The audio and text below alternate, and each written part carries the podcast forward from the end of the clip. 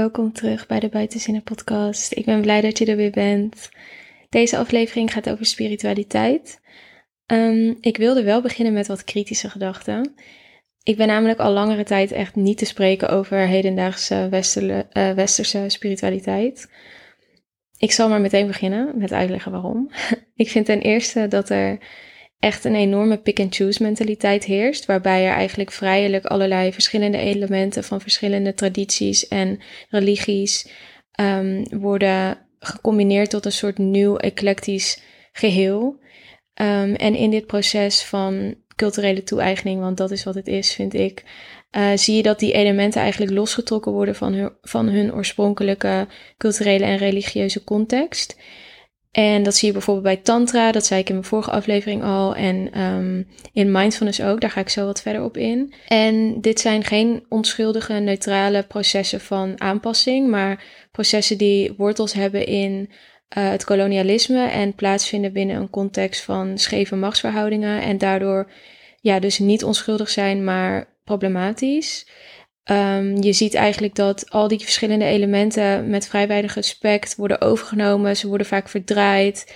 Um, ze worden willekeurig op een willekeurige manier met elkaar gemixt. En ja, uiteindelijk gaan, beginnen ze iets heel anders te betekenen dan dat ze oorspronkelijk doen. En je ziet ook soms dat de betekenissen die ze uh, op, opdoen in het Westen echt haak staan op wat ze oorspronkelijk um, betekenen. Dus dat, dat is problematisch, vooral als dezelfde woorden nog wel worden gebruikt, zoals tantra en mindfulness. Um, ja, om verder nog even in te gaan op mindfulness. Ik had recent op Instagram wat stukken gedeeld van een essay van mij over uh, mindfulness. Voor mijn, nee, niet voor mijn minor boeddhisme, die wilde ik daarvoor schrijven. Maar ik heb uiteindelijk voor mijn master uh, gender studies geschreven. Voor het vak, um, hoe heet dat vak? Het ging over postcolonialisme. Volgens mij is het postcolonial transitions. En um, nou, daarin zeg ik dus eigenlijk. Ik moet trouwens wel zeggen dat deze discussie is best, dat is best een ding binnen ook religiewetenschappen bijvoorbeeld. Veel mensen hebben verschillende meningen. Um, dit is mijn mening, die wordt wel gedeeld door veel anderen, maar uh, dit is gewoon een van de vele, uh, vele standpunten in dit verhaal. Maar wat ik dus eigenlijk schrijf in mijn paper is dat mindfulness, hoe het nu wordt gedefinieerd in het Westen, eigenlijk ver is van de oorspronkelijke boeddhistische context en betekenis van het begrip. Mm, in het Westen wordt het vaak beschreven als een soort oordeelloos, aandachtig gewaarzijn van het moment. En ook als een doel op zich. Het doel is om mindful te zijn. Um, in boeddhisme is het uh, een middel, geen doel op zich, en maakt het onderdeel uit van een heel complexe weg naar verlichting, waarin bijvoorbeeld ook morele gedragsregels heel belangrijk zijn. En um, het is ook niet neutraal in het boeddhisme en ook niet oordeelloos. Uh, in mijn paper schrijf ik bijvoorbeeld: Far from being passive and non-judgmental, mindfulness entails the proper discrimination of the moral valence of phenomena as they arise. Het gaat ook niet zozeer over het huidige moment, maar eerder eigenlijk over het ontstijgen van het huidige moment.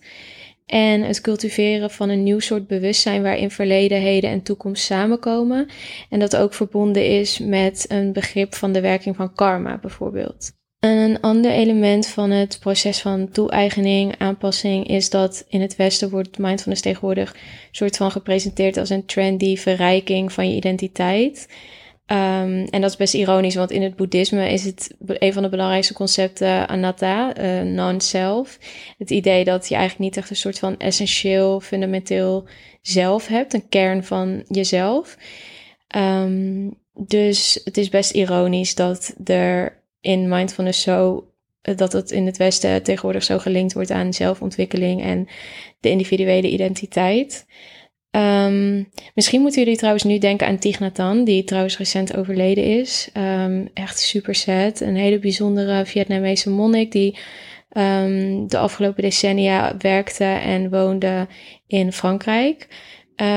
hij promoot heel erg mindfulness en ook ja, mindful lopen, mindful leven, alles mindful doen, zeg maar. Dus precies een beetje wat ik net ook beschreef. Maar het grappige is, is dat hij de grondlegger is van uh, Engaged Buddhism. Is eigenlijk activistisch boeddhisme.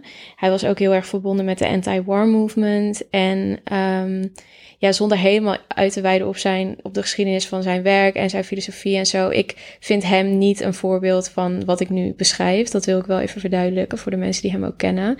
Ik bewonder hem heel erg. Ik vind het ook mooi hoe hij um, ja, boeddhisme met die activistische draai eraan toch heeft ja, weten te verpakken in net een iets meer toegankelijk jasje voor het grote publiek. En daar kan je natuurlijk ook van alles weer over zeggen. Maar ik heb heel veel respect voor zijn werk en dat wilde ik wel even benadrukken hier. Uh, iets anders wat je over mindfulness kunt zeggen, maar ook over spiritualiteit uh, in het Westen al in het algemeen, is dat het eigenlijk niet zozeer gaat over spirituele bevrijding, maar over het behouden van de status quo. Want um, je ziet bijvoorbeeld heel vaak dat um, bedrijven mindfulness inzetten om hun werknemers uh, productiever te maken en stress te verminderen. En je ziet ook dat mensen buiten werktijden eigenlijk spirituele self-care routine, routines inzetten om inderdaad weer hun productiviteit te verbeteren. In plaats van juist zich eigenlijk los te maken van de materiële wereld. Niet dat spiritualiteit altijd hoeft te betekenen dat je je losmaakt van de spirituele wereld. Maar voor mij persoonlijk is het ook niet een bevestiging en een uitbreiding en het voeden van die materiële wereld. Dus dat is een interessante ontwikkeling die ja, binnen het kapitalisme natuurlijk kan flourishen en uh, een beetje uit de hand gelopen is. Je ziet ook dat spiritualiteit uh, eigenlijk gecommodificeerd wordt. Het wordt iets wat je kan kopen in de vorm van objecten, die trouwens niet lang, uh, lang niet iedereen kan kopen. Dat is ook een probleem. Uh, denk aan cursussen, boeken, objecten zoals kristallen, etc. Um, en je kan je ook afvragen, leidt het niet af van spirituele bevrijding als je um, ja, allerlei objecten zou moeten kopen om dichter bij een spiritueel ideaal te komen. Um, je ziet ook natuurlijk uh, de hype rondom manifesteren. Um, nu moet ik zeggen dat bijvoorbeeld het boek Becoming Supernatural van Joe Dispenza, dat, daar kan ik heel kritisch over zijn, maar ik vind het ook interessant. Um, het gaat heel erg over het creëren van je eigen realiteit en de kracht van je gedachten en je energie sturen. En daar kan ik me tot op een zekere hoogte zeker in vinden. Alleen het gevaar is een beetje dat je het idee gaat promoten dat iedereen maar gewoon zijn best moet doen en dan alles kan bereiken en dat iedereen daar ook gelijke kansen in heeft. En dat is denk ik heel ver van de waarheid. Lang niet iedereen heeft gelijke kansen. En het voorrecht om zich met deze zaken bezig um, te houden. Dus um, dan ontstaat er gewoon een vals beeld van de realiteit. Ja, je ziet dus dat moderne westerse spiritualiteit heel erg inhaakt op dat idee van zelfontwikkeling en zelfontplooiing. En ja, naadloos aansluit daarmee bij de neoliberale individualistische maatschappij.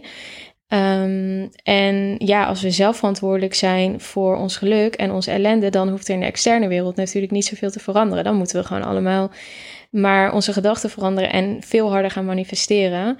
En dat is heel handig als dat niet hoeft. Um, ik denk juist dat het heel hard nodig is dat er in de externe wereld van alles verandert. En natuurlijk is dit een genuanceerde discussie en het is niet zo zwart-wit en heel veel dingen kunnen ook naast elkaar bestaan. Maar voor mij is er niet heel veel over van hedendaagse moderne westerse spiritualiteit, wat ik niet, niet problematisch vind.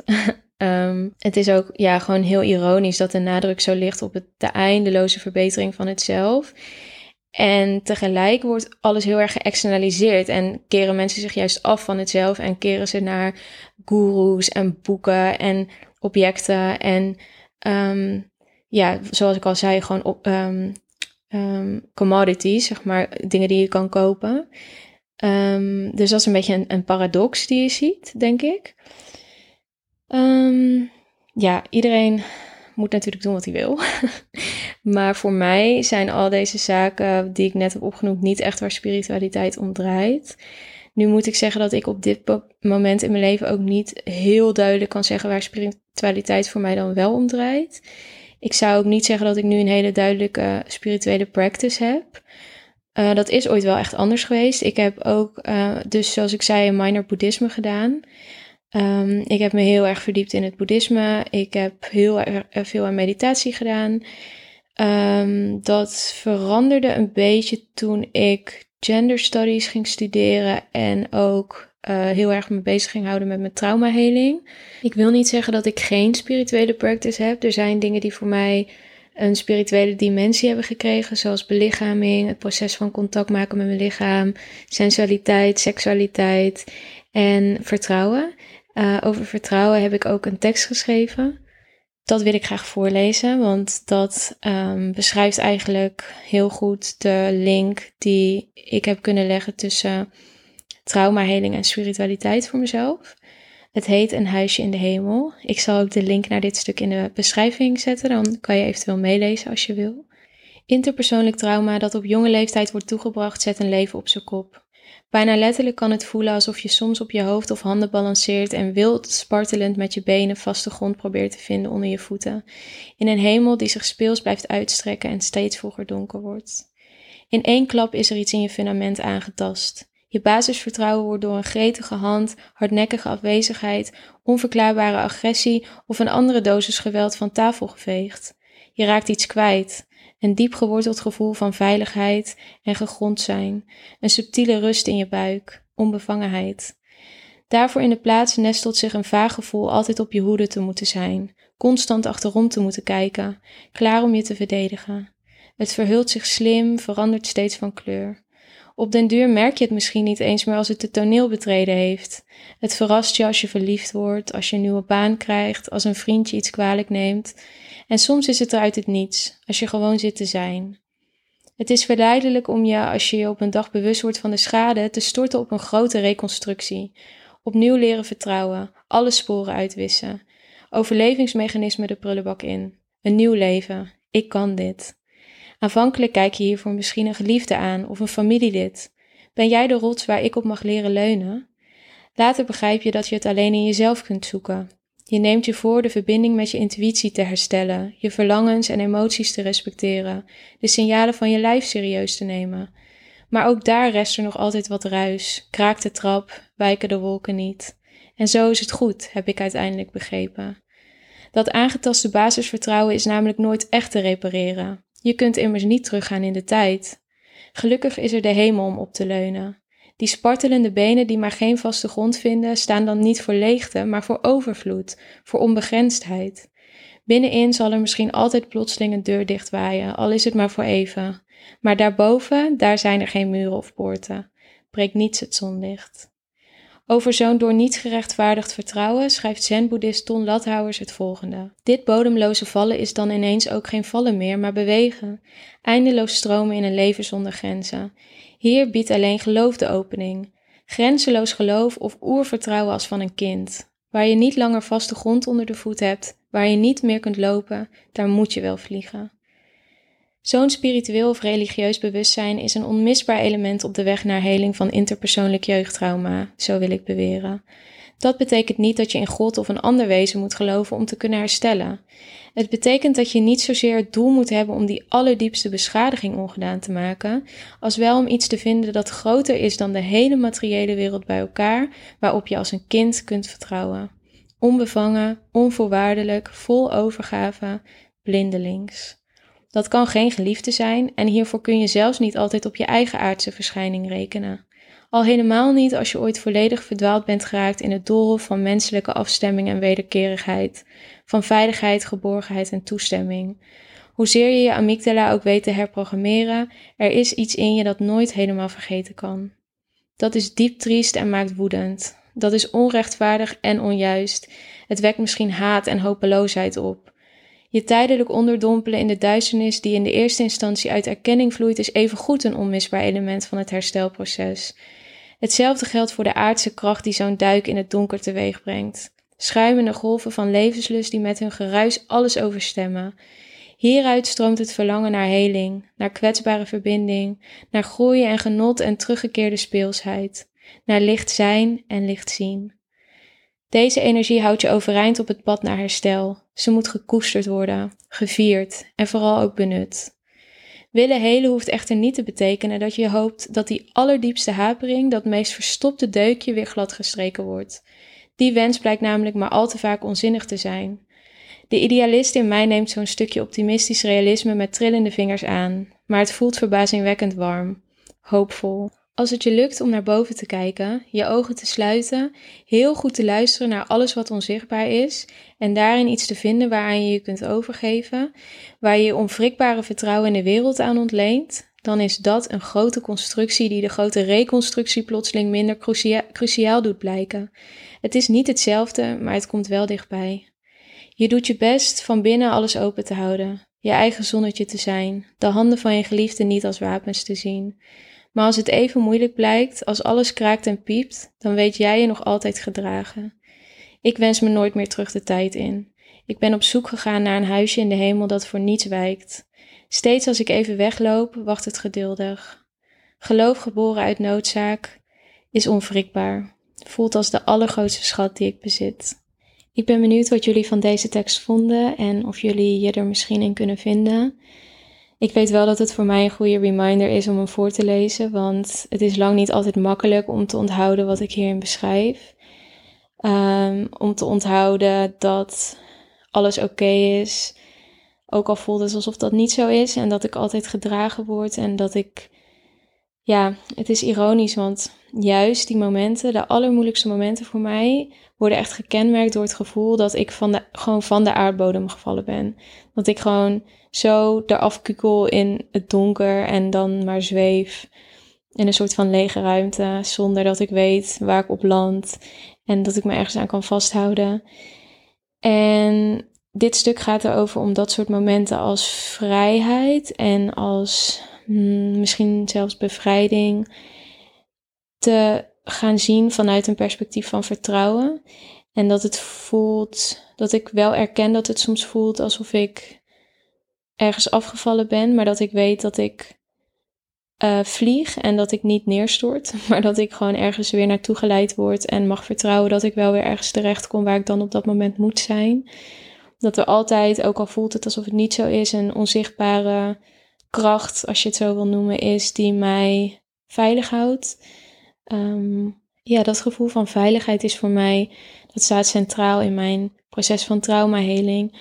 Vooral omdat mijn trauma heeft plaatsgevonden toen ik kind was, is het moeilijk om te, me te verbinden met een basisgevoel van veiligheid dat er daarvoor was. Ik weet ook niet helemaal zeker of dat er was en hoe dat er dan uitzag. En ja, zoals ik in mijn tekst zeg, je kan niet terug de tijd in. Je kan het niet fabriceren waar het er niet is geweest. Um, dat is de waarheid. Dat is verdrietig, maar dat is de waarheid. Um, je kan wel werken eraan om dat gevoel van veiligheid te cultiveren, alsnog in je leven. Gelukkig, dat kan heel goed. Je bent niet verloren als je dat niet als kind mee hebt gekregen. Dan zou echt een heel groot deel van de mensheid compleet verloren zijn. Uh, en beyond saving. Maar ja, zoals ik in mijn tekst schrijf, het is verleidelijk om dan um, andere mensen daarvoor aan te kijken. Um, om het in ja, bezigheden te vinden, zoals werken of sporten of in materiële bezittingen. Of ja, het is, je zou zeggen, ook een heel goed, wel een heel goed idee om het in jezelf te zoeken. Dat je die, die veiligheid in jezelf altijd hebt. Daar ben ik het ook mee eens dat dat een goed idee is. Maar uit ervaring weet ik dat dat helemaal niet altijd makkelijk is en ook niet altijd realistisch het is nou eenmaal zo dat, dat dat helemaal niet vanzelfsprekend is dat ik dat in mezelf heb. En ik ben al lang heel hard aan het werk en gelukkig is het er steeds vaker wel vanuit mezelf, maar lang niet altijd.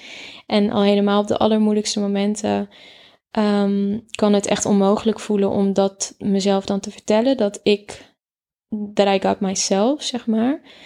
Uh, voor sommige mensen klinkt dat misschien gek, maar mensen die um, ja, met soortgelijke hechtings problemen, uh, emotieregulatieproblemen um, worstelen, die weten, die weten denk ik wel wat ik bedoel. En dat betekent ook niet dat ik niet uh, hard aan het werken ben nog steeds, om dat zo vaak mogelijk wel te kunnen voelen. Dat ik mezelf, mijn eigen rots ben, zeg maar. Maar de realiteit is dat dat niet altijd lukt. En dan zie ik het dus als een soort van alternatieve, belangrijke healing, source of healing. Dat ik dat dus in het universum, in een soort van onzichtbare. Je kan het God noemen, je kan het van alles noemen, maar dat ik daar ook op kan leren vertrouwen. En um, de waarheid is ook dat zelfs zelfliefde kan soms voorwaardelijk zijn. We willen allemaal heel graag dat we onvoorwaardelijk van onszelf houden. Maar al helemaal als je worstelt met mentale gezondheidsklachten, dan soms is het gewoon heel moeilijk. Ehm, nogmaals, dat betekent niet dat we er niet naar streven. De waarheid is alleen gewoon soms dat het lastig is. En voor mij persoonlijk is het makkelijker om te geloven dat er een soort van universele kracht is die wel onvoorwaardelijk mij draagt, dan om te geloven dat ik dat zelf altijd kan of dat mensen om mij heen dat altijd kunnen. En in die zin is mijn spiritualiteit ook niet super veel veranderd, want ik denk nog steeds dat bijvoorbeeld stilte heel belangrijk is om die dat je in te tunen, zeg maar, op die collectieve draagkracht. Dat denk ik nog steeds. Ehm, ik denk nog steeds dat je het kunt voelen via belichaming, beweging, sensualiteit, seksualiteit. Um, ik denk nog steeds dat het heel belangrijk is om je bewustzijn zo open en helder mogelijk te houden. Um, dat, je, dat het belangrijk is om het niet steeds vol te stoppen met prikkels en input en afleiding. Dus eigenlijk denk ik dat wat ik geloof niet zo heel veel veranderd is, maar het belang dat ik eraan toeschrijf en de rol die ik er toewijs uh, in mijn helingsproces wel is veranderd. En dat het gewoon een nieuw soort betekenis heeft gekregen binnen mijn helingsproces. En dit verbindt zich ook op zich wel mooi met een vorm van meditatie die ik lang beoefend heb. Uh, Shikantaza, dat is een vorm van zazen, zitmeditatie in het zen-boeddhisme. En het doel van Shikantaza is eigenlijk niks, alleen maar zitten. Het betekent ook gewoon zitten. En dat is vooral goed voor mensen zoals ik, die prestatiegericht zijn, perfectionistisch.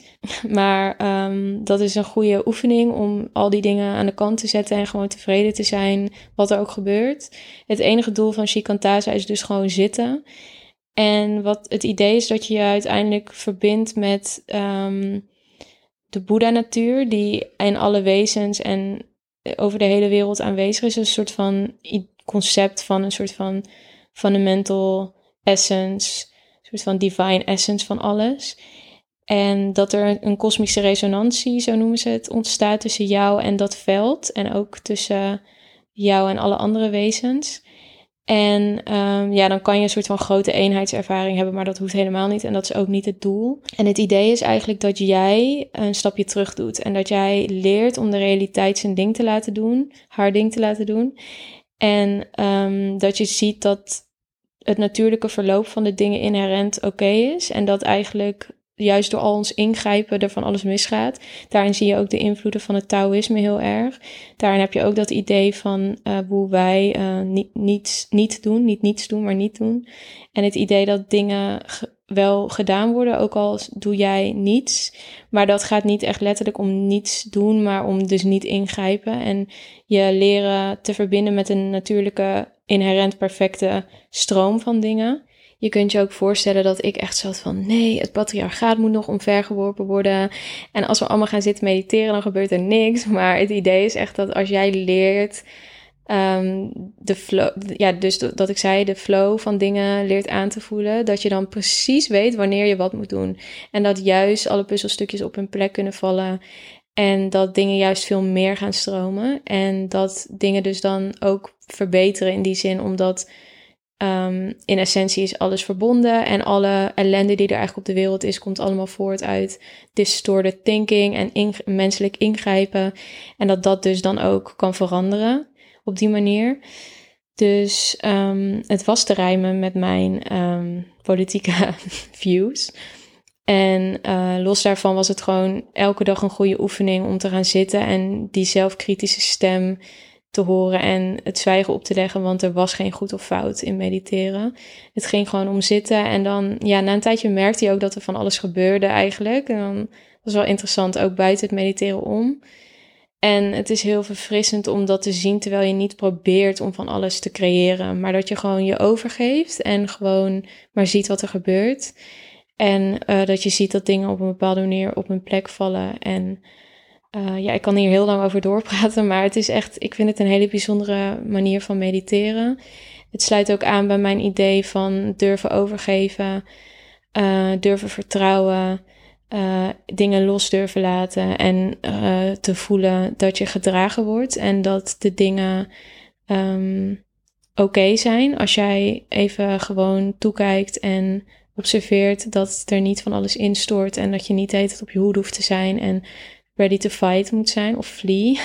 um, ja, ik heb er wel bewust dus voor gekozen om een tijdje niet te mediteren. Met mijn PTSS was dat gewoon niet fijn. En op een gegeven moment voelde het zelfs niet echt safe voor mij om te doen. Ik heb ja, toch een soort andere manieren van meditatie gevonden. En dat is ook oké. Ik omarm het feit dat je in elk, elke periode van je leven weer een andere practice nodig hebt. Uh, ik zie mezelf zeker wel weer de meditatie oppakken. Um, ja, voor mij gaat spiritualiteit op dit moment dus heel erg over vertrouwen en veiligheid. En tegelijk over juist handelen. En over respectvol en eerbiedig zijn tegenover de traditie die je beoefent. En de bronnen waar je inspiratie uithaalt. Onderzoek doen, je inlezen. Um, als we dan over energie willen praten. Al die dingen dragen ook een energie met zich mee. En zullen jouw um, individuele proces uh, en ook het collectieve proces beïnvloeden. En ik denk dat dat echt belangrijker is dan we allemaal doorhebben. En dat spiritualiteit, zoals het nu wordt gepresenteerd in het Westen, is niet voor mij vaak geen spiritualiteit, maar noem het zelfontwikkeling of noem het productiviteitsverbetering of wat dan ook. Maar ik persoonlijk zie spiritualiteit als wat anders. En ik vind het ook prima als er inspiratie wordt gehaald uit bepaalde zaken. Maar wees daar open en eerlijk over en verzin lekker een nieuwe term voor wat jij bedenkt. Maar um, ja, ik vind het echt problematisch dat uh, termen als tantra en ook dus wel als mindfulness um, gebruikt worden op manieren die gewoon niet aansluiten bij de oorspronkelijke traditie. Voor nu wil ik het hierbij laten. Dit is een super groot onderwerp um, waar ik zeker nog vaak op in wil gaan en ook met anderen over in gesprek wil, zoals eigenlijk um, geldt voor alle onderwerpen die ik tot nu toe besproken heb. Maar voor nu is dit wat ik kwijt wilde. Thank you for listening. Laat me zeker weten wat je van deze aflevering vond. Als jullie nog vragen of opmerkingen hebben, laat ze achter, dan neem ik ze mee. Mijn intentie met deze aflevering was, ja, denk ik om mensen te stimuleren heel bewust na te denken over hun definitie van spiritualiteit. En uh, te onderzoeken op wat voor manier zij externe bronnen inzetten voor inspiratie, of dat misschien nog respectvoller kan, of dat ze nog meer onderzoek kunnen doen, kritischer kunnen kijken naar de concepten die, um, die je aanhaalt, de objecten die je gebruikt, waar je geld aan uitgeeft, wie, naar wie je luistert, uh, wat voor rol het in je dagelijks leven speelt.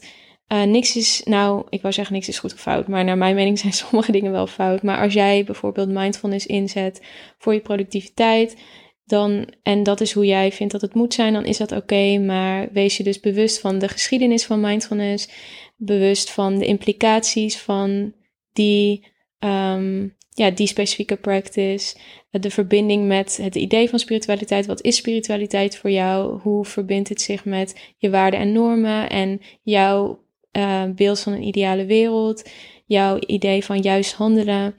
Um, ja, wees je daar bewust van. Stel jezelf a lot of questions. Ja, en vind wat voor jou werkt. Dankjewel voor het luisteren en tot de volgende keer.